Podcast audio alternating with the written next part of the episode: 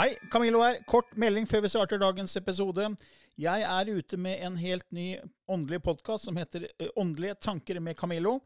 Du finner mer informasjon om den hvis du går til camilloloken.no skråstrek gratis. camilloloken.no skråstrek gratis. Der er det også overraskelser til deg som er fast lytter av mine podkaster.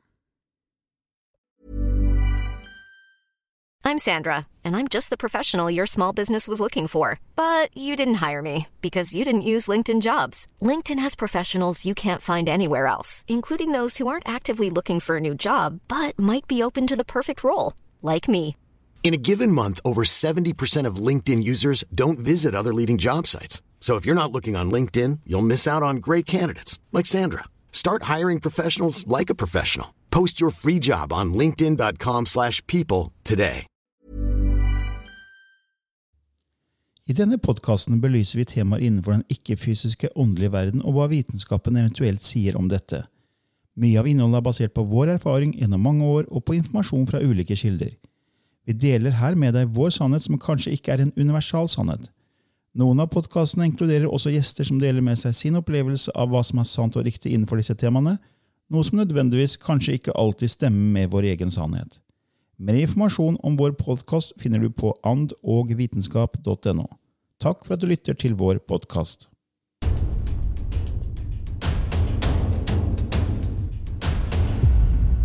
Hei og velkommen til en ny episode i Ånd og vitenskap med Lilly Bendris og Camillo Løken. Og I dag har vi også med gjest, og det er deg, Merete Eidhammer.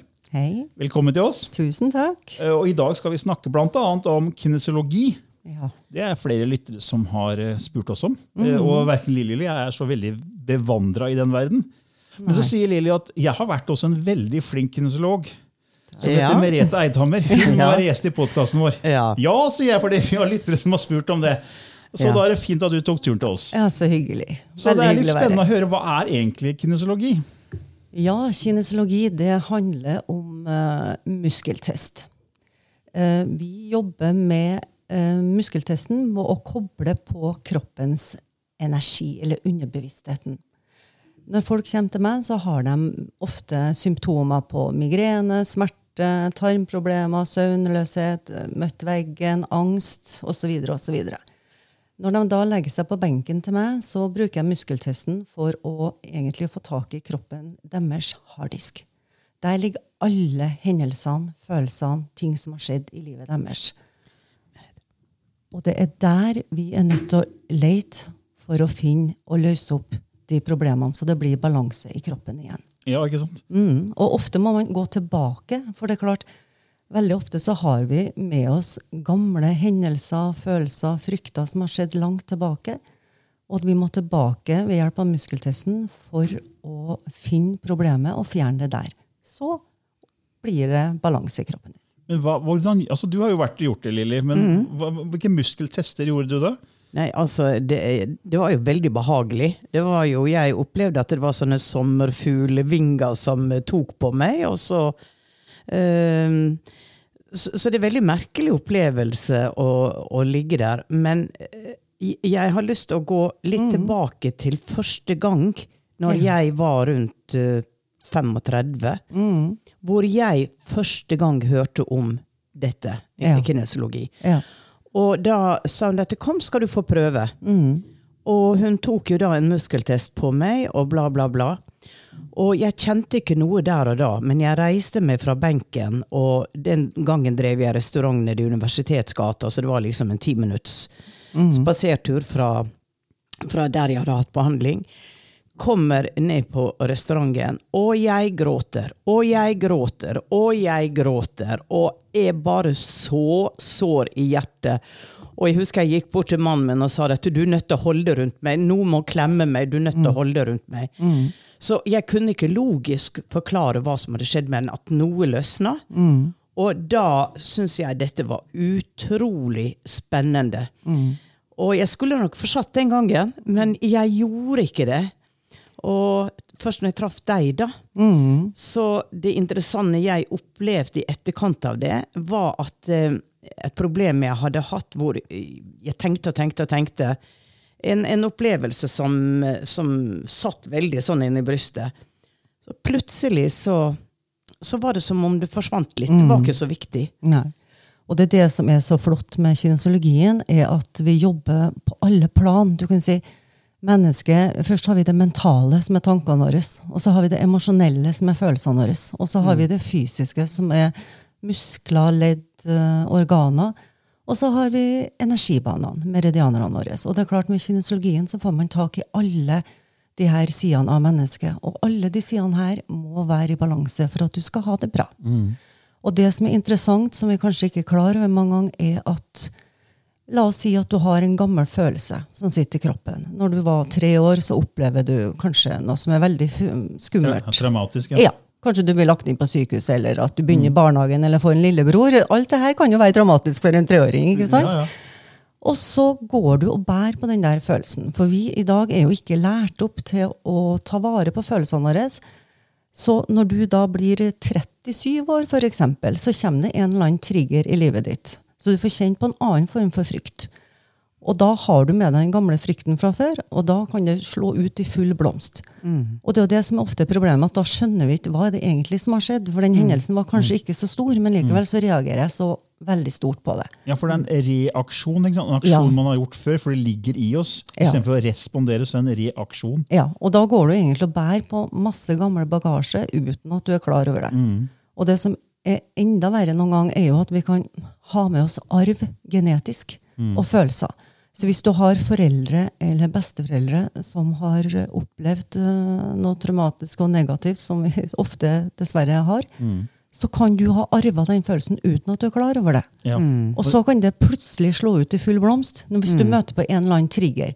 For eksempel hvis du første kjærlighetssorgen kan bli kanskje mye hardere fordi at dine foreldre eller besteforeldre har opplevd noe som underbevisstheten din blander sammen. da. Og det vi har snakka om i podkasten, er at du faktisk også kan ta med ting fra tidligere liv. Ja, For å gjøre det enda mer, så kan du faktisk det. Så det er klart det er ikke noe rart at det trøbler seg for oss. For vi, men det er klart, eh, ja.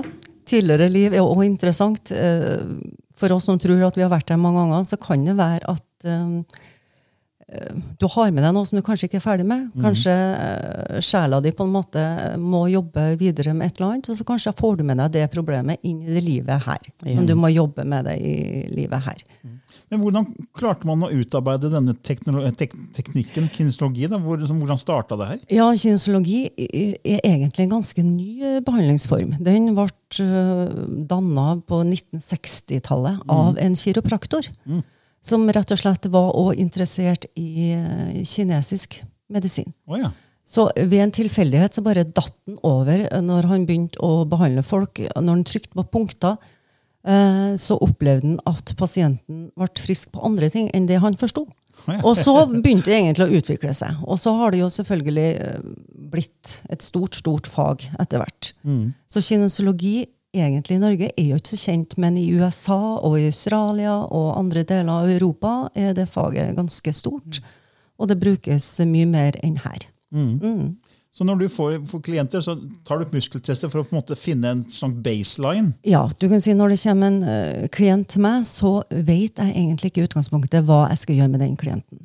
For det er jo klientens kropp jeg skal koble meg på, og det er der svaret ligger. Så det som er så morsomt når man får klienter på benken, er at de trenger egentlig ikke å si så veldig mye. Jeg trenger egentlig ikke å vite historien deres, for det er det kroppen deres som begynner å fortelle. Og den har litt av en historie, så det er en veldig morsom behandling, for det er en reise i sitt eget liv. Så da bruker jeg å si det, vi rensker løk, vi tar lag for lag, for det er mange små hendelser som gjør at du i dag eksempel sliter med migrene, eller har frykt, eller angst, eller ja, alle tarmproblemene og alt det som er symptomene. da. Men du, du har jo vært flyvertinne tidligere, forstod Ja. jeg, i SAS i mange år. Det har jeg, vet Og reist verden rundt. Ja, ja det Og har så, jeg. og så brått så kommer du inn i det her. Kan ikke du fortelle litt om hvordan du kom inn i denne verden her? Ja, det var litt morsomt, for at uh, jeg har jo vært i SAS i nesten 20 år, og de siste årene så begynte jeg jo å kjenne på en sånn tomhet som jeg ikke helt forsto. Eh, så etter hvert så skjønte jeg jo at jeg må videre. Og på den tida så var det viktig for meg å være stor og sterk og skulle ikke ha noen problemer og skulle ikke vise at jeg hadde angst, så jeg var ikke så flink til å søke hjelp. Men ved en tilfeldighet, men det er jo ikke tilfeldighet, men den gangen så følte jeg jo det var tilfeldig, så kom jeg til en kinesolog. Og det var vel første gangen jeg søkte noe som helst hjelp. Og jeg lå der på benken og bare ja, Hva skal jeg si? Jeg bare ble forelska med en gang, for jeg kjente det her, det her er det jeg skal jobbe med. Så mannen min trodde sikkert at det klikka for meg, for når jeg kom hjem fra den behandlinga, så søkte jeg 50% stilling i SAS.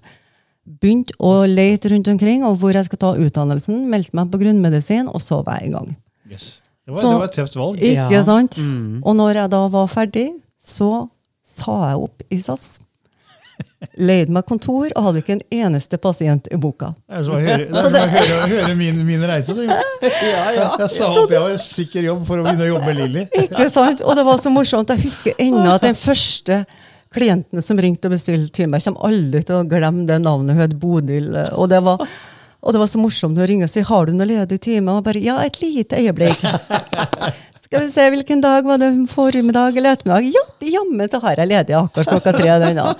Så eh, jeg tenker jeg må jo egentlig ha den skrueløs som gjorde det her, men eh, jeg var, år, hvor mange år siden er det her? da? det er nå snart 14 år siden. Oi, såpass, ja. Ja, mm. Spennende reise, da. ja det er jo det. Absolutt.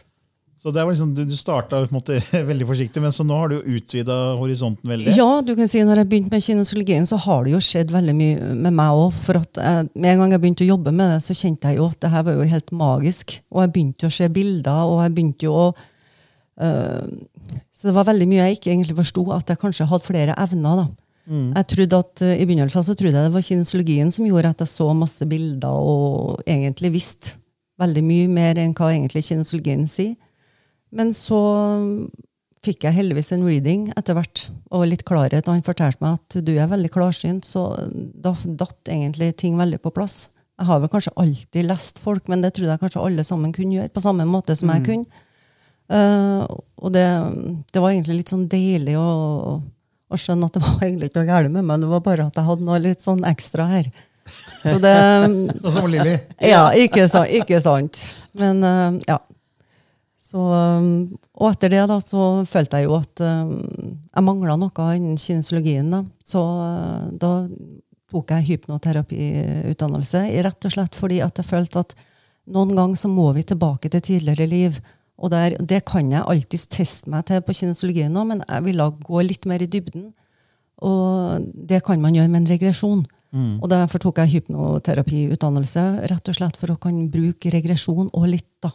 Når Ja, det trengs. Ja, fordi det er ikke alle som kanskje vet hva regresjon er, men det er altså at du tar folk tilbake før de blir født. da. Ja, til tidligere liv. Tidligere liv og Ja. livene mellom liva. Ja. Mm. For noen ganger så viser det seg at problemene vi har i dag, faktisk stammer fra tidligere liv, og da syns jeg det var veldig godt å ha regresjon eh, som en sånn ekstra verktøy. Mm.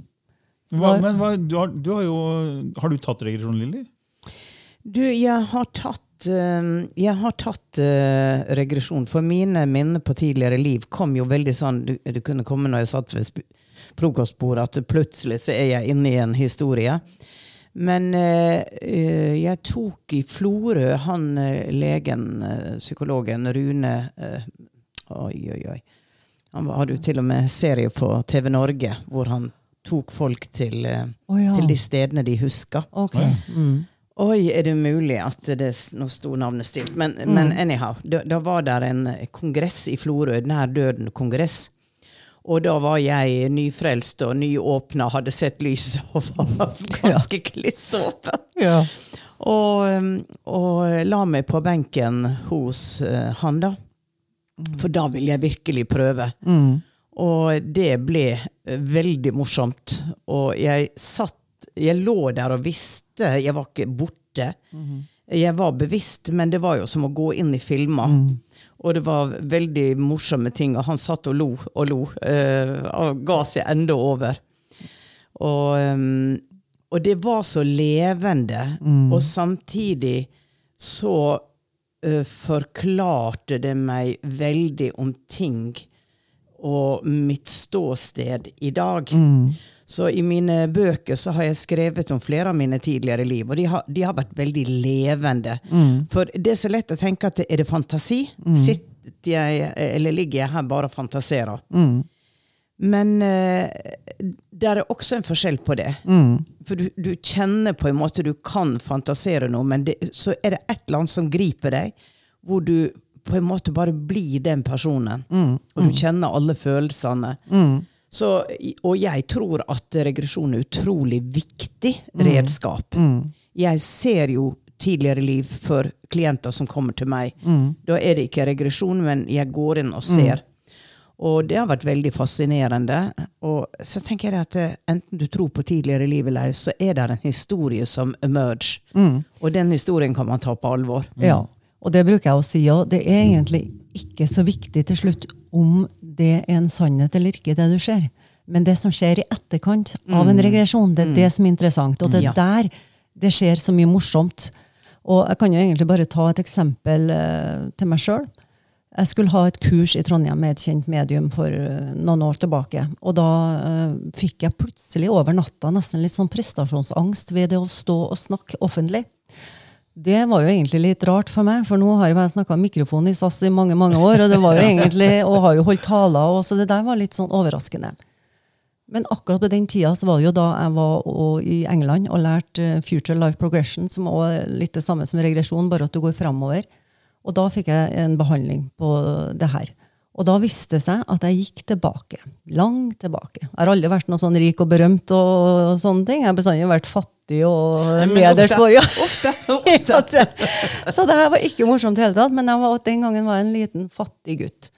Og så var det sånn at når de skulle komme med nyheter fra et eller annet, øh, så skulle det sies på torget. Og før den øh, skulle annonseres, så, var det, så pressa de meg, så den unge lille gutten, opp der for å skulle annonsere at noen skulle komme med en nyhet. Så jeg skulle si noe sånt som ho, ho, eller et eller annet. Kom, her er det en nyhet. Problemet var at jeg stamma. Så det ble veldig sånn latterlig morsomt hver gang jeg skulle opp der, da. Så jeg da i den filmen når jeg hadde regresjon. eh, at jeg sto der og rødma og stamma, og under den behandlinga så kjente jeg bare hvor halssjakraet mitt bare jobba. Det, var, det knyt seg. Og så uh, fikk vi lagt inn nye minner som man kan gjøre. Man kan jo lage seg nye minner når man har dårlige. Ja. Og etter det så har det jo aldri vært et problem Nei. i det å snakke. Så da Ja. kan man si er det her en fantasi, eller er det virkelighet? Det er ikke så viktig, faktisk. For det som det hjalp meg enormt. Og det har jo blitt forska, siden det her er ånd og vitenskap, Ja. så har det jo blitt forska masse på regresjon. Og det er jo òg psykologer og leger som bevisst har gått inn for å bevise at det her er tull. Og har bare falt pladask for hele, og får masse informasjon fra barn som er Ja. Ja, Vi har referert veldig mye til Michael Newton, som Ja. har skrevet fantastiske bøker basert på regresjon. Mm. 40 år med forskning på regresjon. ikke sant? Ikke sant? Tusenvis av klienter, og folk får en, en forståelse av hvorfor livet deres er slik det er i dag, da, Mm. med utfordringer. Ja. Eh, vi tok et eksempel med en, en mann som slet veldig med, med problemer. Som ble, han ble forlatt på kirketrappa Mm. av moren sin. Også i regresjon så kom det frem at eh, han var en høvding i tidligere liv, og moren var, var fortsatt moren hans i det livet. Ja. Men han var en høvding som måtte sette regler, og så var det en liten gutt som hadde stjålet eh, et lite brød. eller hva det var, og, og da, eller Moren stjal brød for å gi det til en liten gutt, og da måtte han sette eksempel og kutte hånda av moren. fordi at han var høvding, han kunne ikke ha, gjøre forskjell på, på mor og andre. Nei. Så det ble en bitterhet og, og en, en, en veldig sorg der, og den sorgen fikk han føle på da som en balanse. For vi snakker om at eh, karma er balanse. da. Og da fikk han på en måte svar på det han hadde lurt på, da, gjennom Michael Newton og regresjon. Og det er jo litt det du snakker om Ja. her, egentlig. Akkurat. Nei, så det er jo veldig spennende. Men det som kanskje er mest spennende, tenker jeg, hvis vi drar litt tilbake til kinesologien, så er det jo at um, vi har jo bevisstheten vår, og så har vi underbevisstheten vår. Og veldig ofte så tar vi valg eh, fra underbevisstheten vår uten at vi er klar over det. Og det er det som kanskje gjør at det trøbler seg litt for oss. For i underbevisstheten vår, det som jeg kaller kanskje harddisken, der ligger jo hele trossystemet ditt. Det du har blitt mata med, det du skal tro, det du skal gjøre. og eh, Alle følelsene, alle hendelsene i livet ditt, og arv. Og basert på det så er det underbevisstheten din som styrer hverdagen din. Og det gjør ofte at man blir en robot uten at man er klar over det. Og det er der man ofte da får problemer, for man ikke bruker sin egen vilje. da. Ja, ja, for Professor Bruce Lipton sier at 95-99% av våre beslutningsprosesser kommer fra det underbevisste. Nettopp. Fordi vi er ikke egentlig bevisste i, i det øyeblikket vi tar beslutninger. Det, er, det er så styrt. ja. Og det, fordi vi er jo veldig vanedyr. Du ser bare på, på hvordan vi, når vi starter dagen. Mm. Hvor mange er det som ikke våkner til den samme klokkeslettet hver morgen når de skal på jobb? Mm. Hvis du begynner på jobben klokka åtte, da, så kanskje stiller klokka til halv syv. eller Mm. syv. Hvorfor ikke 7.01 eller 6.59? Det er Ja, ja. alltid det samme hver dag. Ja, Og så går du i dusjen, og så dusjer du. Og så tørker du deg hver morgen med akkurat samme måte. ikke sant? Du har et system, og du tenker ikke på det engang. Så vi har jo snakka om å bryte vaner. Da, at eh, I kveld, ikke sant? de Mm. som lytter på, ta skift hånd når du pusser tenna. Se hva som skjer. Mm. For da er det ikke lenger nevrale nettverk som er danna etablerte, som styrer deg. Da plutselig så må du konsentrere deg, Mm. og da blir du til stede i nå-øyeblikket. Og hvis du pusser tenna med den vanlige hånda, så plutselig så forsvinner tanken i fortid og fremtid. Og det er jo det vi snakker om her. ikke sant? Mm. Ja, At man er ikke bevisst i nåøyeblikket. Nei, og problemet er at vi ikke finner den knappen til å endre det mønsteret. Det er jo det som er problemet. Ja. For har vi nå bare kunnet funnet den knappen, så er det bare noe å gjøre noe med det. Så veldig ofte så er vi klar over problemet vårt. Vi vet hva vi egentlig ønsker, men vi klarer ikke å finne knappen til å endre det. Og det tror jeg kommer av øh, at kroppen gir oss signaler, men vi er ikke noe flinke til å lytte til. Så jeg bruker å beskrive det sånn at når folk kommer inn til meg, så er kroppen veldig i dvale. Jeg bruker å si han går på tomgang. Ja. Fordi at han har gitt oss så mye signaler, og når vi ikke lytter til det, så vet egentlig ikke kroppen lenger hva han skal gjøre, så går han på en måte i en dvale. Ja. Vi går i en robot. Sant? Altså det du gjorde i går, det gjør du i morgen, og så du går på tomgang hele tida. Så det er jo der man på en måte er nødt til å gå inn og så endre det, få kroppen til å begynne å jobbe litt igjen, og for å få den til å jobbe litt igjen, så må vi fjerne litt av den bagasjen som du går og bærer på. Ja, For det er aldri for sent å endre seg. Det er jo noe som heter nevroplastisitet. Som viser at vi kan endre nevrale nettverk livet ut. Mm. Og Før så trodde man at når vi først var på en måte ferdigvokst, så var liksom nettverket i hjernen satt, så var låst, rigid. Men Mm. Ja, det er jo ikke det. Nei, nei, nei. Man kan alltid endre det. Ja, ja, ja. Og trossystemet er jo veldig morsomt, for det er jo det vi eh, sant, Vi blir jo så mata, vi blir jo så programmert fra, fra fødselen av. så det er jo og det er litt sånn morsomt å se på den her trossystemet og hvordan vi menneskene egentlig er, er laga. Jeg leste, eh, Før jeg kom hit i dag, så leste jeg noen sånne gamle papirer. og Det var, det handla om en lege på 1628. Det er jo ikke så lenge siden. Men da fant han ut at han trodde at hjertet var ei pumpe som pumpa blod rundt omkring i kroppen. Men det var det ingen andre som trodde noe på, så han ble jo latterliggjort av samtlige kollegaer. For på den tida så trodde man at hjertet varma opp kroppen, og at hjernen avkjørte kroppen. og han, Ja. legen han Harvey han sa men jeg syns faktisk jeg hører at hjertet slår. Nei, det var det ingen andre som hørte. Nei, så det var ingen andre som hørte at hjertet slo på den tida. Og, ja. Så, så det, vi, vi blir liksom vi blir bevisste. Jeg kan si det trossystemet det vi blir mata på. da. Ja, ikke sant? Og Ja. det, det som er interessant, er at i 1983 så ble hjertet gjort om til en en- endokrin kjertel. Ja? Reklassifisert. Og HeartMath Institute har jo forska på det og viser at hjertet har intuitiv intelligens. Yes. Og plukker om informasjon før hjernen og sender det til hjernen. Mm. Det har vi snakka om før om i podkasten. Mm. Ja, ja, ja. Og da, ja, og da er det jo ikke uten grunn at kineserne sier at vi må lytte til hjertet vårt. For den sender 4000 mer signaler til sjela vår enn hva noe annet. Så det er klart, Ja. det er den lengste reisa vi har, er jo fra hodet og ned til hjertet. Det er å liksom følge hjertet sitt. Det er jo det som er så vanskelig for oss. Ja, å leve til hjertet. Det Mm. er helt sant. Ja, det er jo oppe nå. Alle snakker jo om det. Så det begynner jo også å komme inn i felles bevisstheter. av Det budskapet der, da. Mm, Ja, og det, og absolutt. det med yin-energien og det feminine. ikke sant? Mer intuisjon, mer hjerte. Nå er vi inne i vannmannens tegn, age of the Aquarius, og det er jo flere og flere som jeg føler i hvert fall nå begynner å være mer åpne for det vi snakker om.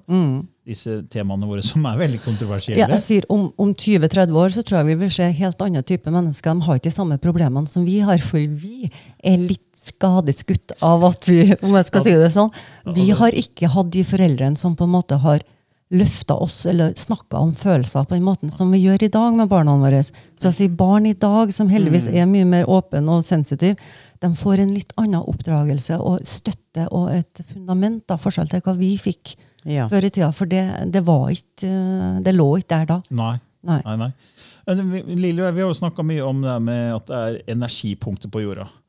Akkurat som det er eh, med kroppen har egne meridianer, så har jorda det som kalles ley lines. Og Du har jo opplevd disse, vært på sånne energisteder, Lilly. Ja, For, ja. det- for det er jo samme med kroppen, men det er som en link mellom jorda og kroppen. da. Ja. Og du, du har jo opplevd at det er veldig mye sterk energi på disse energipunktene. Ja, du, altså hvis du er følsom, så kjenner du det som at det er en sterk elektrisk spenning. Eh, m- eh, det er en oppsamling, det er som det er en oppsamling av energi som blir veldig, veldig, veldig, veldig sterk. Og gjør noe, det forsterker det du har i deg, er det jeg opplever. Har du frykt, så kan du få mer frykt. Og, og har, du, har du en intensjon om glede, om å åpne, så, så skjer det gjennombrudd på sånne sted. Um, og jeg, jeg husker at å dra opp til Lofoten, det var liksom en revelation, for jeg gikk ut av flyet og ned. Og tenkte hva søren er det som stikker sånn her? Ja. Så hendene de bare brant og stakk. Og da tenkte jeg, da forstår jeg hvorfor det er så mye klarsynt der oppe, og samene og, Ja, for det er egen energilinje. for det er, Ja. Koblinga er egentlig litt til kinesiologi, for der bruker vi meridianer der i kinesiologi. For kroppen har jo energibaner som man har brukt i akupunktur i, i 5000 år. eller hva det er. ja, Og, absolutt. at det, og det samme er med jorda. så jeg tenker at det er energilinjer på jorda, så er det energibaner i kroppen. ikke sant? Det er, vi er en del av naturen. Ja, ja, ja. Så når, når vi kan finne energisteder på jorda, så er det også det samme i kroppen. Mm. Og på jorda så er det jo Man snakker om det her med Stonehenge, man snakker om Sedona, Hawaii. Det er egne steder hvor det er veldig sterk energi. Mm. Ikke sant? Og, man, og det er jo folk som har faktisk forska på det og sett at i England blant annet, så ligger alle hellige templer og alt som på en måte det er, det er templer, det er kirker, det er la, bygd langs en linje. da, Og det er en leila, en, en energilinje. Og de Men- gamle hadde kunnskap Det eh, visste om det. det er urbefolkningen vet det, og, men vi har mista det. Men i kinesologien så kan vi jo få det på, i kroppen. da. Så Hvordan bruker du meridianer i, i kinesologien? liksom? Nei, jeg, jeg tester meg jo, og, og, du kan si den muskeltesten den er jo eh, genial på den måten at man på en måte får kobla på uh, harddisken i kroppen, og på den måten så kan jeg sjekke om det, om det ligger en ubalanse da, i f.eks. Uh, energibanen din. Og gjør det det, så kan jeg gå inn og se hvilken av dem, og hvilken følelse er det, og så kan jeg også noen ganger så kan det faktisk være muskler i kroppen din som er svak pga. at energibanen din er i ubalanse. Og når vi da får kanskje funnet den følelsen som ligger bak der, så eh, er muskelen din sterk. Og det er vel kanskje noe av det morsomste som jeg gjør som kinesolog, for det kjenner man så godt på kroppen. For da tester jeg muskelen før, og så snakker vi om den følelsen som ligger på den energi, energibanen, og så tester vi muskelen etterpå, og da er muskelen kjempesterk. Men Kan det være muskler fra hele kroppen, eller er det bare Muskler fra hele kroppen. Det er ikke liksom bare hendene, liksom? nei, nei, nei. Du kan si, jeg har lyst til å si at vi har en cellehukommelse overalt. eh, I, Ja, ja. Så, så ubalansen kan jo sette seg overalt. Og det er jo det som ofte kanskje er problemet. Si at du eksempel har vond rygg. da. Nakke og rygg, det er sånn klassisk smerte. Så kan man jo egentlig gå og ta en behandling til fysioterapeut i ti år, og så blir man egentlig aldri bra. Nei. Det betyr ikke at den fysioterapeuten er dårlig, han kan kanskje gjør en kjempegod jobb, men han driver med brannslukking for at du har noen følelser som ligger under der, som man ikke har fått tak i. Ja, det primære. Ja, så, at, ja, så man må liksom finne Man må tilbake nesten, jeg har lyst til å si, til den følelsen, for man kan liksom knekke koden og gå videre.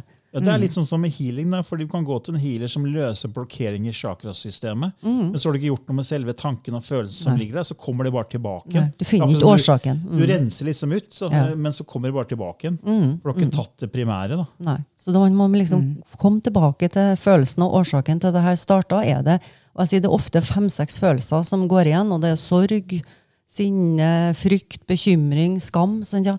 Sånne følelser som det der, er veldig ofte årsaken. Og det er liksom De tre nedre chakraene det er knytta til, er det ikke det? Det vet mange- ikke jeg. Det er det kanskje Ja, jeg skulle mener jeg leste at veldig mye Ja. altså De tre nederste er liksom overlevelse, og veldig mye av det du snakker om frykt, ja. sinne, alt det her, det er knytta til de tre nederste chakraene. Ja, det vet jeg faktisk ikke, men det kan godt være. Ja. Ja, For du jobber også med chakra? Ja, ja, ja. ja. Jobber med chakra. jobber med hjerne, jobber med psykologi. Kan- Kinesiologien kan du si har så mye. da. Ja. Vi kan jobbe masse opp i hjernen. Du kan si hypotalamus. og ja, Det er veldig mye som eh, kan sette seg som stress i hjernen vår, da, som gjør at du får konsentrasjonsvansker, sant, migrene. Det er veldig mye på det mentale planet. Så, men der igjen så må man jo lete da, ved hjelp av muskeltesten og se hvor er det stresset sitter deg.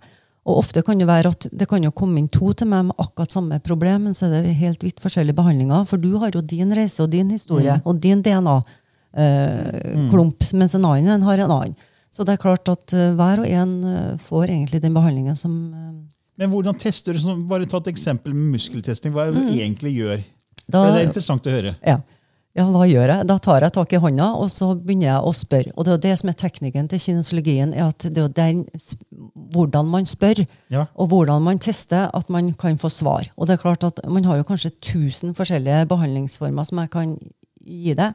Men vi har masse skjema, vi har masse bøker, så det jeg ofte begynner med, det er å gå og lete, finne følelsen. Og så hvis jeg finner en følelse, for eksempel, jeg kan ta noe som går igjen veldig ofte, da, for eksempel sorg og skyld. Kanskje får du ofte dårlig samvittighet. Så begynner jeg å si det at uh, i dag så begynner vi å jobbe med at du sliter med ofte dårlig samvittighet. Og noen ganger så kan det være at de sier nei, det stemmer ikke. Så det er ok, men vi kan lete videre. Og så får vi beskjed om du skal lese en tekst, og så står det kanskje teksten det handler om undertrykking. Og så må de lese den teksten, og så står det det at du er veldig flink til å undertrykke dine egne følelser. Du tar veldig mye hensyn til andre og ikke dine egne. Og så begynner de kanskje Ja, det stemte kanskje det, da. At det var sånn. Men, da, men hvordan tester du muskelen mens du sier det, da? Da tester jeg bare med hånda. Jeg bruker hånda. For Du, hele du føler på hånda Jeg til føler på hånda. Hva er det du merker om dem på en måte, Jeg er føler riktig, om muskelen gir etter. Gir den etter, så er det stress. Hold muskelen og er sterk, så er det ingen Og altså, det ubalanse. blir avslappa harmonisk? Ja. Ja, det er akkurat som hjerte for hjerte. Så ser du når hjertet stresser, Ja. så er det hakkete mønster. Ja. Og når det er rolig, så er det veldig sånn Ja. sånne myke bevegelser. Så du merker på en måte nesten pulsen unna nesten Ja. også. Mm, så det, du kan si det er jo en treningssak, eh, man, men akkurat nå skal jeg nesten teste på en finger. bare Jeg trenger ikke bruke hele hånda lenger. heller, Men det er, jo en, eh, det er akkurat som at muskelen gir etter da, litt ved Ja, jeg har hørt at Hvis man skal liksom eh, prøve å gjøre motstand liksom, Mm. med, med hånda, da, på en måte, ikke bare at den som utfører, tar på deg, men at du faktisk skal ha motstand. Ja, ja, Holde noe for å ta motstand, og så ser du at eh, den svekkes hvis du treffer riktig. da. ja, ja. Og det kan også være, vi kan testes på vi kan, sånn som På barn så bruker jeg ofte føttene istedenfor hendene, for det er litt lenger unna. så jeg blir så okay. skummel. Sånn, så, ja. så at, man kan bruke eh, alle musklene i kroppen, kan du si, men det er nesten mest vanlig å bruke hånda, for det er nesten lettest. da. Og Mm. på barn kanskje føttene. For da trigger jo egentlig mønster i det underbevisste som man ikke bevisst For man kan jo prøve å overstyre liksom, å nei, nå skal jeg være flink jente, flink gutt. Og liksom, jeg, jeg har ikke noe. Nei. problemer, jeg har ikke noe skyld. Nei. Og alle bærer jo på noe. Det er akkurat det. Vi alle sammen har jo en historie, og vi ska, skapes jo mønster etter det. Men du, kroppen klarer ikke å lure deg. på en måte. Nei. Eller du klarer ikke å overstyre kroppen på den Nei, måten. kroppen det, har. Klokkeklar kontroll Ja. på hva det er som er årsaken, og når det oppstår, og hvilken følelse som står bak, og hvilken behandling du trenger for å fjerne det. Mm. Så kroppen er, det er virkelig et fantastisk verktøy. Og for en fabrikk. Men er, Ja, ja. Det, er det ikke litt sånn at det er som å legge skrelle lag av løken? Ja, det er akkurat det. Vi tar lag for lag. For det er klart, det er jo mange små hendelser. Det er jo ikke én ting som skjer i livet vårt. Så vi har jo alle opplevd kjærlighetssorg, kanskje krenkelser, sorg, frykt. ikke sant? Og som jeg sa, da, noen ganger så har vi jo med fra foreldre i tillegg genetisk arv. Så eh, alt dette her kan gjøre at du går og bærer på en ryggsekk som er større enn med masse bagasje. Og når du går og bærer på den, så bruker kroppen masse energi på å holde de følelsene der unna. Og da går det utover andre deler av kroppen. Og det er der det ofte uh, gjør sånn at vi får problemer. For kroppen har ikke 100% energi til rådighet for å ta vare på eller immunsystemet osv. Så, videre, og så, videre. så da plutselig får man symptomer. da. Og så skjønner man ikke eh, hvorfor fikk jeg angst i dag. Har alle hatt angst? Hvorfor plutselig sover ikke jeg om natta?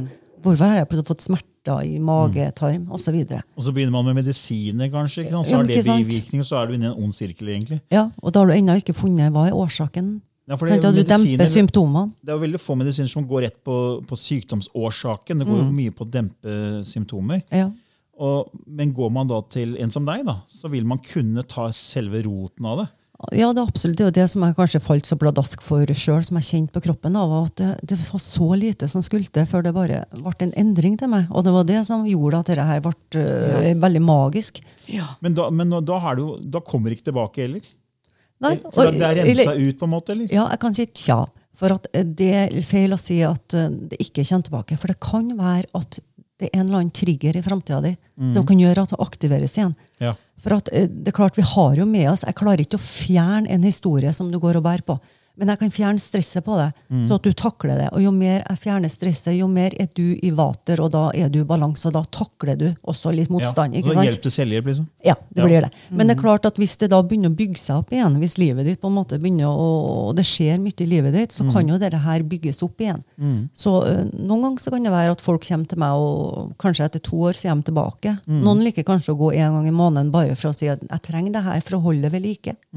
Så det er litt sånn forskjellig. Men med barn for eksempel, så går det jo veldig fort. Barn har jo ikke så mange historier som vi går og bærer på.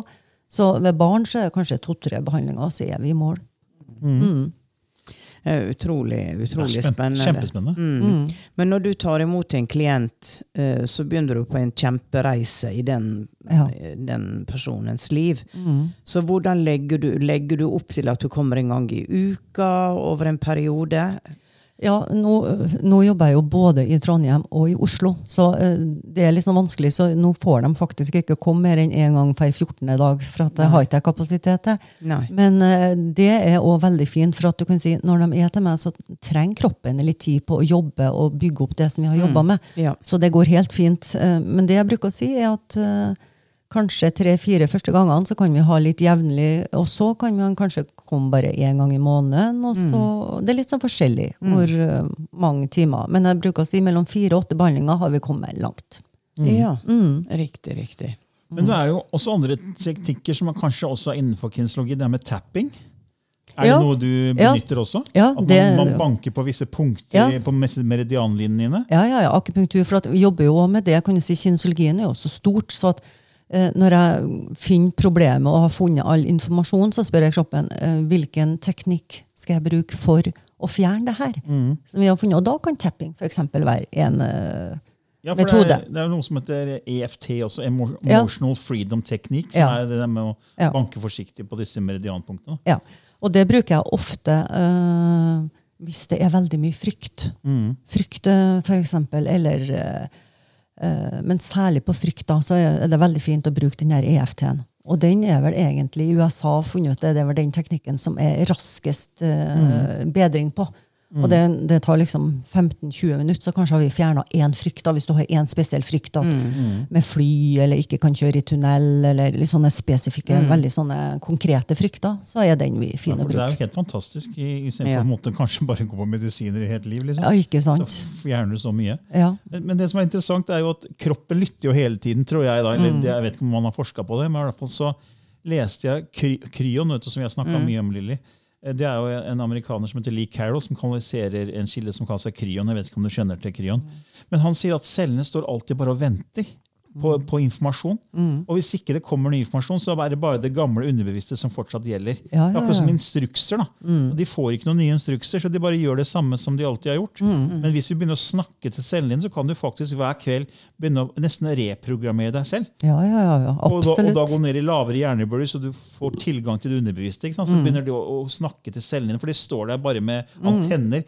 Gi meg instruks, liksom. Mm. Så han sier at du kan faktisk snakke deg frisk. Ja, ja, og absolutt. Og der er det jo Tankens kraft er jo, ja, det, er jo det mest magiske vi har. Mm. Og det er klart at eh, Sånn som etter til barn, for eksempel, så bruker jeg å si at eh, gjerne sitt og snakk til barnet ditt når du sover. Mm. For du kan sitte og mate barnet ditt. Sant, ja? Det er akkurat som en meditasjon Mm. eh, og hypnose. Og, det å mate eh, kroppen din, og det å tro at du er frisk. Mm. Sånn som jeg bruker å si til mine eh, Våkne opp hver dag og si 'jeg er frisk, rask og sterk'. Eller si det du trenger. For jo mer du sier det, jo mer blir det en sannhet. For det er det du sender ut, og det er det du får tilbake. ikke sant? Ja, for det, altså, det, Hjernecellene, nevronene, vet jo ikke forskjell på Ja, men- om det, om det er fantasi eller Nei, ekte. Det er de nettopp. samme nevrale nettverk som fyres av. Så du kan egentlig fake it till you make it. Ja, du kan programmere, Det er jo det som er så fantastisk, at vi kan programmeres til det meste hvis vi bare har visst av hvordan vi skal bruke det. Ja. Det er det det handler om, for det er det vi ikke vet. Og jeg bruker å si at eh, kanskje det verste, og det har jeg jo synda med sjøl, er jo eh, hva sier vi til barn hvis Ja. de blir syke? Hva Ja. sier vi da? Vi sier 'Å, nå må vi gå til legen, for han skal gjøre deg frisk', sier vi.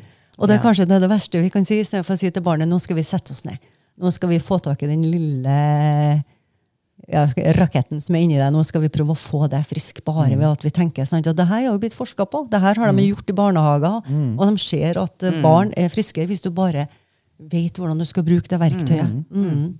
Ja, fordi det, er, det er det som er så litt utrolig med hjernen vår. Men samtidig så er det jo viktig at man gjør det i hvert fall det jeg har lest, da, i hjern, lavere hjernebølger. Ja. Så, sånn som affirmasjoner, det å si fine ting til deg selv, da, at 'jeg er rik og sunn og frisk', og alt det der, det hjelper liksom ikke hvis du gjør det i, i beta våken tilstand, da, i beta hjernebølger, for da, da når du liksom ikke inn. Nei. Det må du gjøre når du ligger om kvelden når du er søvnig, for da åpner du porten til det underviste gjennom lave alfahjernebølger. da.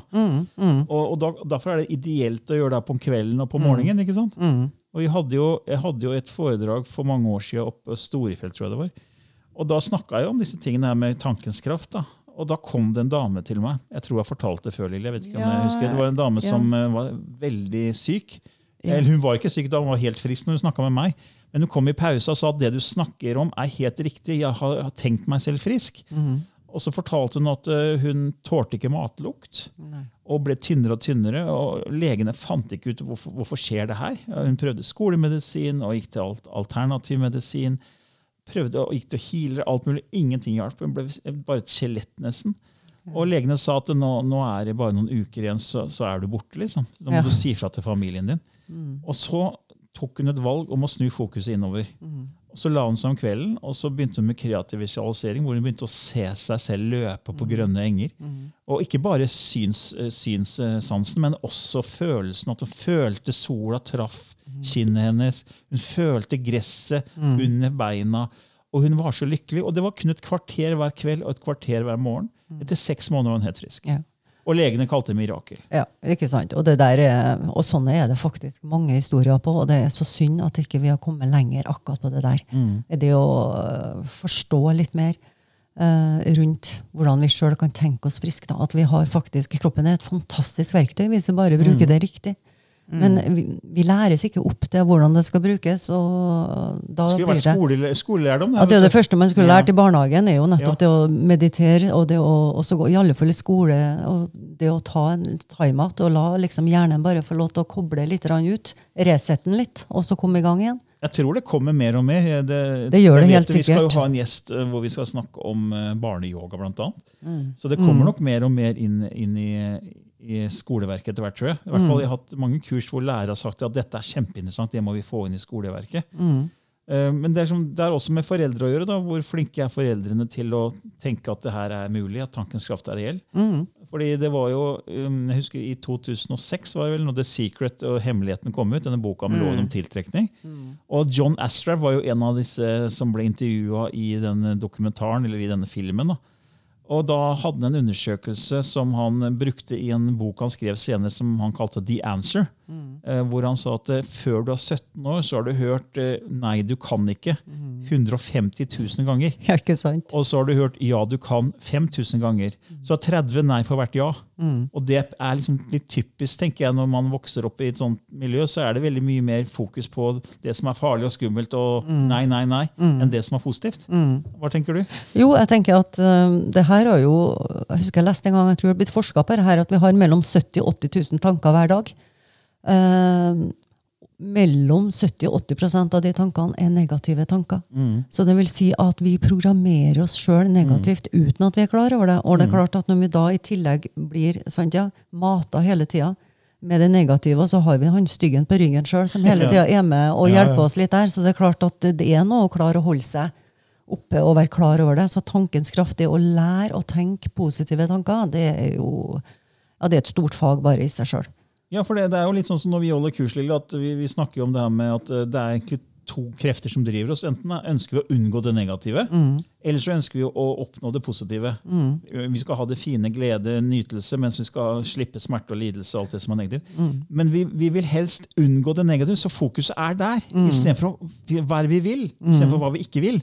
Og det er det jeg ser mange fokuserer på. At de fokuserer på det de helst vil ikke ha. Ja, og ikke da gir sant. du energi til det. Ja, det er som å akkurat det. kaste vedkubber inn i et bål. Det er akkurat det. Og, og universet er et selvorganiserende system som reagerer på energi, frekvens og vibrasjon, som vi har snakka om veldig mye her. Mm. Så da ber du egentlig om å få det tilbake, det du ikke vil ha. Ja, ja, ja. Og det bruker jeg si ofte med sånn frykt og sånn òg.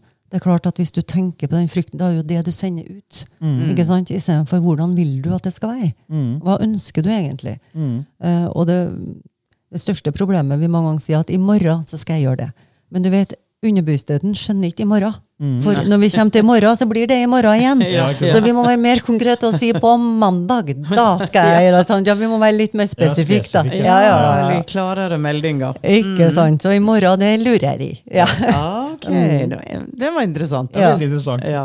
Men jeg har lyst til å gå tilbake til litt det med regresjon. Ja, fordi Det er jo en del av din praksis. Mm. Og du utfører regresjon. Eh, Fordi Vi har mange som har spurt om det, og vi har vel egentlig ikke hatt noen som er eksperter på regresjon i podkasten. Så det er kanskje litt interessant å snakke litt mer om det. Mm. Fordi er det alle som lar seg det, det, er, det er gå i hypnose, da, ja. og, og klare å gjøre det her. Fordi jeg, jeg har hørt noe sånn at det er ikke alle som er, klarer Nei. det. Å og på en måte gå inn i en sånn hypnose.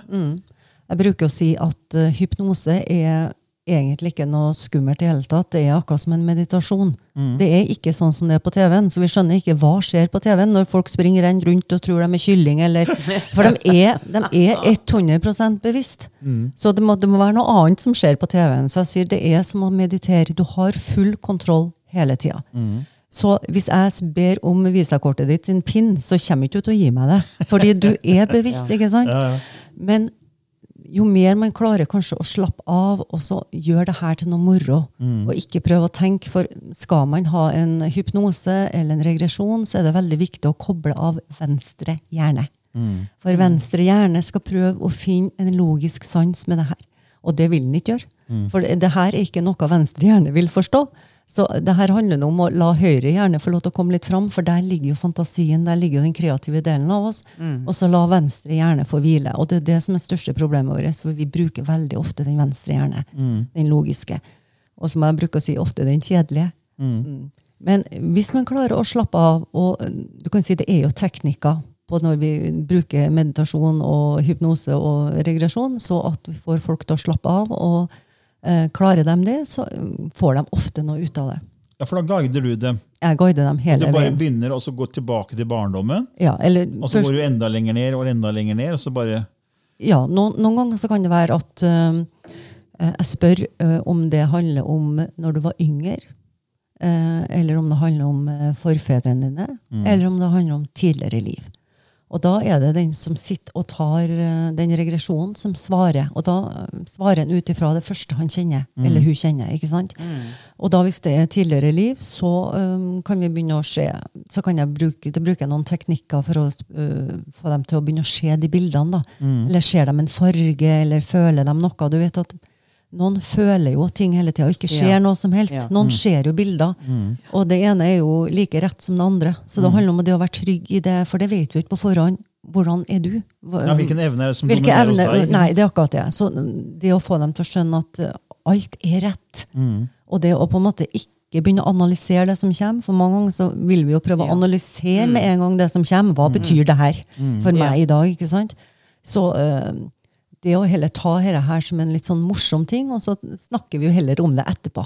Så vær på reisa di, vær i det du ser. Og så har jo jeg teknikker som kan hvis de har problemer med å se noe, så kan det jo være at jeg kobler meg på. Så at jeg begynner å se noe, så jeg kan stille spørsmål til det jeg ser, så at jeg kan kanskje få dem litt Ja. inn i samme. Ja, da er det å være klarsynt også. Ikke sant? Og derfor har jeg brukt den. Derfor har jeg jo brukt den. Ja. Så Men du bruker ikke teknikker av kinesologi i ikke på, regresjon? ikke på regresjon. Nei, Nei da bruker ikke. jeg hypnoterapien, kan du si. Ja. Den delen der. Mm. Eh, Kjenner du til en som heter Dolores Cannon? Det var et kjent navn. Ja. Ja. For dette, hun sier at hun bringer sine objekter Mm. dypere eller de fleste tør å gå. ja. Så de, de går helt i transe, de forsvinner. Okay. Men det forsto jeg var en spesiell teknikk. Mm. Og hvor hun da opplever at de som ligger på benken Gjennom de som ligger på benken, så får hun kontakt med en avansert sivilisasjon i space. Ok. Som underviser. Aha. Gjennom kanskje hundrevis av forskjellige mennesker, så er det det samme informasjonen som kommer gjennom. Ja. Så hun døde vel for et par år siden. Jeg tror det var 2012, var ikke det? Eh, Var nei, Var det ikke så en- lenge siden hun døde. Nei, det var kanskje ikke så lenge. Nei. Det var kanskje en annen ting. En gammel bestemor. Eh, men hun, hun eh, fikk eh, ble kontaktet av CIA. Ah. De som hadde blitt abducted Ja. i romskip, som var voldsom frykt. Mm. Og da var det hun brakte de dypere, eller hva de andre hypnosene hadde brakt de. Hun gikk forbi det planet, sier hun. Ja. Og most of them doesn't dare to go there. Så hun brakte det ned, og så oppdaga hun da noe veldig spesielt. Og det var at når hun tok de så dypt ned, så forsvant frykta. Ja. Og da så de på en måte at dette var ikke noe å frykte. Men frykta lå der fordi at det der var ikke Hjernen hadde ikke eh, opplevd det, det som de opplevde da, var så fremmed at det der var ingenting i hjernen som på en måte kunne begynne å, å forstå det. Nei, ikke sant. Du fortalte en historie om, om disse her eh, på denne øya som ikke så seilskipa, for det var så Ja, det var vel det var når, det, det, når um, spanjolene kom til Sør-Amerika. Ja. Ja, for det er litt interessant så- i, i denne Så sammenhengen. de hadde jo aldri sett et seilskip før. Så når de skipa kom, så klarte ikke de indianerne å se de skipa. For det var ikke en del av deres Ja, res reseptuarer. Ja. De klarte ikke å ta det inn da, som informasjon, for det var noe helt fremmed. Så de, de så det ikke, eh, merkelig nok. Ja. Men det de så, var krusninger på havet. Ja, De så liksom effekten av skipet, men ikke selve Ja. skipet. Og så var det jo da sjamanen som til slutt Ja. sa at det var en stor fugl. Å, ja. Så, og det viser jo det at eh, en sånn tilstand hvor du blir tatt opp i et uh, skip, alien, Mm. i 60-åra Ingen hadde jo snakka om det. Og hva, da blir det sånn frykt, for det er, der, der er ikke reseptoarer til å deale med det. Og deri skapte trau, skaptes traume. Ja. Men når de gikk forbi det traumet og kom til sin overbevissthet, Mm. da var det ingen frykt. Så sier jeg jeg vil jo ikke bruke henne mer. De vil jo Ja, for vi er, jo, vi er jo redd for det ukjente. ja, men ikke sant. Ja, det Så når man får fugleperspektiv og ser Ja. ting fra et større ståsted, så er det Oi, det var jo ikke farlig. Nei. Ikke sant? Nei. Og det er akkurat det. Og det er jo, mange ganger så tenker jeg, får man kontakt med selve sitt, ikke sant? Ja, Hvem får man kontakt med? Hvem- hvem får er- man? hvem er historiefortelleren? Ik ikke sant? Og det, det er litt sånn morsomt. Det, for det har jo, kan du si det motsatte av regresjon, så kan jeg jo òg gjøre noe som kalles future life progression. Ja. Og det egentlig handler om å gå fram i tid. Ja. Og bruke etterpåklokskapens Ah. til å ta avgjørelser her og nå. ikke sant? Ja, ja. Så hvis det er noe eh, fram i tid eh, som du lurer på, så kan man få egentlig bruke teknikker for å gå fram, og da ta kontakt med seg sjøl. Mm. Kanskje si 100 år fram i tid. Hva vet jeg da? Som jeg ikke vet i dag. Eller eh, et tidligere Ja. liv der òg. Så bruk det da, eh, til å ta rette avgjørelsene i dag. Eller om du kontakter selvet ditt. Det, det er veldig Ja. sånn interessant. det Ja, her. det Hvem er er det det. du egentlig kontakter? Ja. Ja, ikke sant? Ja. Her er, her er mange interessante Ja, ja. diskusjoner. Det kan pågå over Ja, ja, ja. et glass rødvin ute i Ja. scenen. Ja, ja. Vi, finner Absolutt. ut av mye. Ja. Så har vi jo også en som heter David Hawkins, dr. David Hawkins. Han var en av de første som brukte kinesologi for å kartlegge nivåer av bevissthet. Mm. Han har jeg referert til mye i kursene våre. For jeg har jo laga det som jeg kaller en bevissthetsskala, som går fra frykt til kjærlighet med forskjellige nivåer. og at man kan, Jo lenger opp man kommer på den skalaen mot kjærlighet, jo, jo mer begynner livet å flyte. Det blir mer mindre frykt, det er mindre ego, det er mer, du ser helhet i ting, du ser enhet i ting. Og han var den første som faktisk brukte kinesiologi for å kartlegge hvor man var igjen i bevissthetsskalaen. Da. Han kalte det map of consciousness. levels of map of consciousness. Og han ser det som en trakt. da, hvor man ser helt, Når du er helt lav, så er du helt nede eh, som på spissen på en trakt. på en måte. Og jo høyere opp du går, jo bare så utvider det seg, så får du en høyere høyere bevissthet og ser mer og mer. da. Så det var veldig interessant, for det, han kartla med kinesologi, det stemmer bl.a. med kanalisert informasjon fra Esther Hicks. Den eh, dama som, eh, fra USA som kanaliserer kilden Abraham. Jeg vet ikke om du kjenner til det? Veldig spennende. Hun snakker også om det som vi har snakka om før, Lili, det er med, med nivåer av bevissthet. da. Fordi det det er, Han har jo brukt da kinesologi for å avsløre hvor, hvor er mennesket selv i, i nivå av bevissthet. Hvor mye frykt har du? For Er du veldig mye frykt, så er det en lavt nivå av bevissthet. Ja. Og hvis du er veldig, veldig fri for frykt, så er det mye høyere nivå av bevissthet. Er det sånn du liksom føler, føler at det stemmer det med, med det du har erfart? ja, vi har en behandling som jeg jobber ofte med, og det har med fryktspiralen å gjøre. Ja. Ja, ikke sant? Så det blir nesten litt det av er det samme. samme ja. ja. det blir Ja. samme. Og du vet at frykt blir til fakta. Det blir, det blir en sånn frykt, en tanke blir en illusjon, så blir det fakta. Så, så det er liksom der hvordan vi menneskene uh, reagerer da, på Mm. mønster. ikke sant? Eh, så jeg tenker den bevisstheten, det er jo den som på en måte, det er jo det vi jobber hele tida mot. Det å være her og nå. Som er så forferdelig vanskelig for oss. For vi er enten der, eller så er vi tilbake. Og vi får jo flakse frem og tilbake. Ja, ja. Så, det, og, så mer vi klarer å være her og nå, da har vi jo kontakt Ja. med kilden og med hjertet. Men har du teknikker for det, eller har du liksom, når du gir råd, da, når folk har vært hos deg, hva sier du hva liksom, er viktig da? Ja, Nå skal man være mer i nået, nuet. Ja, Det er jo det vi jobber med kan du si, hele tida, men da må man fjerne bagasje. Man må fjerne frykt, så man ikke blir den roboten. Ja. Så man må få liksom kroppen til å begynne å jobbe litt igjen. Sånn at man, eh, For når man med en gang blir bevisst ting, så kan man jo gjøre noe med det. Ja, man må Så det handler om å vekke, vekke egentlig personen som ligger på benken, da, til å se mønstrene. Hvorfor det har skjedd. hvorfor du, for jeg bruker å si, Ofte så er det jo kroppen glemmer. da, kan du si, Hvis du opplever noe som du er tre år, så er det akkurat som underbevisstheten ikke helt forstår at du har blitt gamler. Så, at, eh, Ja. så når du nå opplever noe når du er 60 år, så tror kroppen på en måte innvendig at du er tre år. Så du har samme mønster. ikke sant? Ja, ja. Så du må få nesten kroppen til å skjønne at i dag så takler du de følelsene, men det gjorde du kanskje ikke som tre år. ikke sant? ja. Så det er litt sånne ting òg. Det å på en måte vekke kroppen da, til å se at i dag kan du lære av det du har opplevd tidligere, og så ta andre valg. Mens vi tror at vi på en måte, sånn, kroppen går egentlig i å beskytte oss. da. Og ved at den beskytter oss, begynner å leve med håndbrekket på. Ja. For det er klart det er da vi legger alle fryktene vi legger alt det imellom, sånn at vi ikke klarer å leve optimalt sånn som vi ønsker.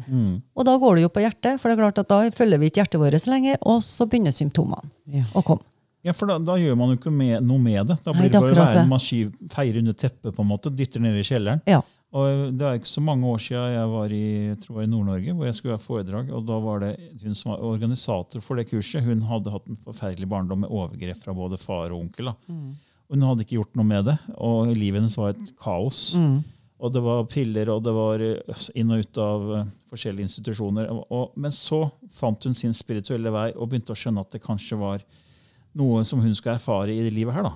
Og så, så gikk hun da til regresjon og de tinga vi snakka om her. Da. Og hun fant ut at det var noe hun skulle gjennom, og så kunne hun begynne å jobbe med det. Og da fikk noe konkret å ta tak i. Og så dro hun på ferie til, til varmere strøk og bare lå der på stranda og jobba mentalt med seg selv. Da. Og ble helt fin, liksom. For hun Ja, fikk bearbeide og, og tilga eh, onkel og, og, og, og far. Og faren døde, og han kom gjennom da når hun åpna opp, kom gjennom forklarte og ba om unnskyldning, men det var en kontrakt mellom de. Eh, og det var vondt, liksom, men han ba om unnskyldning. Og så fikk på en måte closure. da. Det fikk en, en helhet i det. Ja, og det er jo det som er så interessant, for at jeg har jo også den teorien om at det livet vi har nå, det har vi jo faktisk skapt på den andre sida. Det er jo noe vi har lyst til å lære eh, den gangen vi er, og de problemene og det, Jeg bruker ofte å spørre hva er det som går igjen i livet ditt. Hva, hvilke problemer er det du støter på gang på gang på gang? Det er det som er karmaet ditt. Det er det du har på en måte kommet hit for å lære. Sant? Ja, så jeg bruker å si Det er veldig fint å, å knekke den koden i livet her, eller så kommer du tilbake i neste Ja. liv og har akkurat samme problem. Ja. Så man kan liksom godt bare begynne arbeidet den gangen her og gjøre noe Ja. med det. Mm. Jeg pleier å kalle det for tester. Jeg. Ja, ikke en sant. test, og så nå, kan du, nå kan du gjøre noe med det, eller så kan du få en ny test som er nesten lik, Ja. bare i litt andre former. Absolutt. absolutt. Og det interessante da er jo at kanskje de verste personene som kanskje støter deg mest i livet her, er kanskje de nærmeste personene på andre Ja. sida, for de har tatt de mest upopulære rollene. Ja, eh, ikke sant? Ja. Mm. Og det kan være liksom godt å tenke på at uh, når man virkelig sliter med enkelte personer, da, Mm. at uh, kanskje på den andre sida så er dere uh, en helt annen Ja, vi, vi, Lili, vi har jo snakka mye om at vi er, vi er på en måte på en teaterscene. Ja. og vi Ja. spiller ulike roller. Noen må være skurker og drittsekker, Yes, er og, andre er helter. Og så, så er det en grunn til at disse som kanskje sårer oss, da, de gjør det fordi dette er en avtale i skuespillet. Ja. Og det er veldig vanskelig å ta inn over seg. Ja. Eh, spesielt hvis du lider og har det vondt. Eh, men for oss så har det, jeg i hvert fall, eh, vet, ja, for begge to så har det fungert. At vi ser livet på den måten. Ja. Jeg har en annen forståelse. Det er lettere å, å takle motgang når man har den innstillingen. Da. Absolutt. Og så er det jo, jeg tror vi har kommet hit med masse begrensninger Mm. som gjør at vi er jo egentlig ikke, hvis man ser tilbake i historien, vi er jo ikke så veldig kloke. Sånn, vi gjør jo ofte det samme feilene om og om igjen. Hvis man ser historien, så er det klart at vi er jo ikke de smarteste, bruker jeg å si. Så det er klart at, Og det tenker jeg er sikkert en grunn til det òg. Ja. At, eh, for har vi visst det man vet på andre sida, så har vi jo ikke dratt hit. Det har ikke visst å dra hit. Så det er jo derfor at vi på en måte skal lære noe. At sjela skal ha med seg noe her som vi skal lære. Men det er klart, vi kan gjøre det den enkle veien. Vi trenger ikke bestandig å gjøre det den vanskelige veien. Ja, og nå kommer jo da verktøy da, og bevissthetsøkning som gjør at vi faktisk slipper å, å ta lange omveier. Ja, Ja. det er absolutt. Men det, hvis folk er interessert i å vite mer om det du tilbyr, så Ja. hva, har, du, har du nettside? Jeg har nettside. Det er kinese.no. Kinese.no. Kinese med K og S. Kinese.no. Der uh, kan du lese mye om meg, og der er online booking, og der ser vi hvor jeg holdt til i Trondheim og i Oslo. Ja, men Det er jo fint. da. Nå Ja. både Ja. to store byer i Norge. Ikke sant? Ja, men Det har vært veldig interessant å snakke med deg. Ja. Nå har vi sittet her i nesten en time. Ja, vi har det. Ja, Og tida har fløyet. Det har vært koselig. Ja. Tusen takk. Veldig koselig. Ja. Tusen takk for at du kom til oss. Takk og takk. Imagine the softest sheets you've ever felt. Now imagine them getting even softer over time. That's what you'll feel with Bowl and Branch's organic cotton sheets. In a recent customer survey, 96% replied that Bowl and Branch sheets get softer with every wash. Start getting your best night's sleep in these sheets that get softer and softer for years to come. Try their sheets with a 30-night guarantee. Plus, get 15% off your first order at bowlandbranch.com. Code BUTTERY. Exclusions apply. See site for details.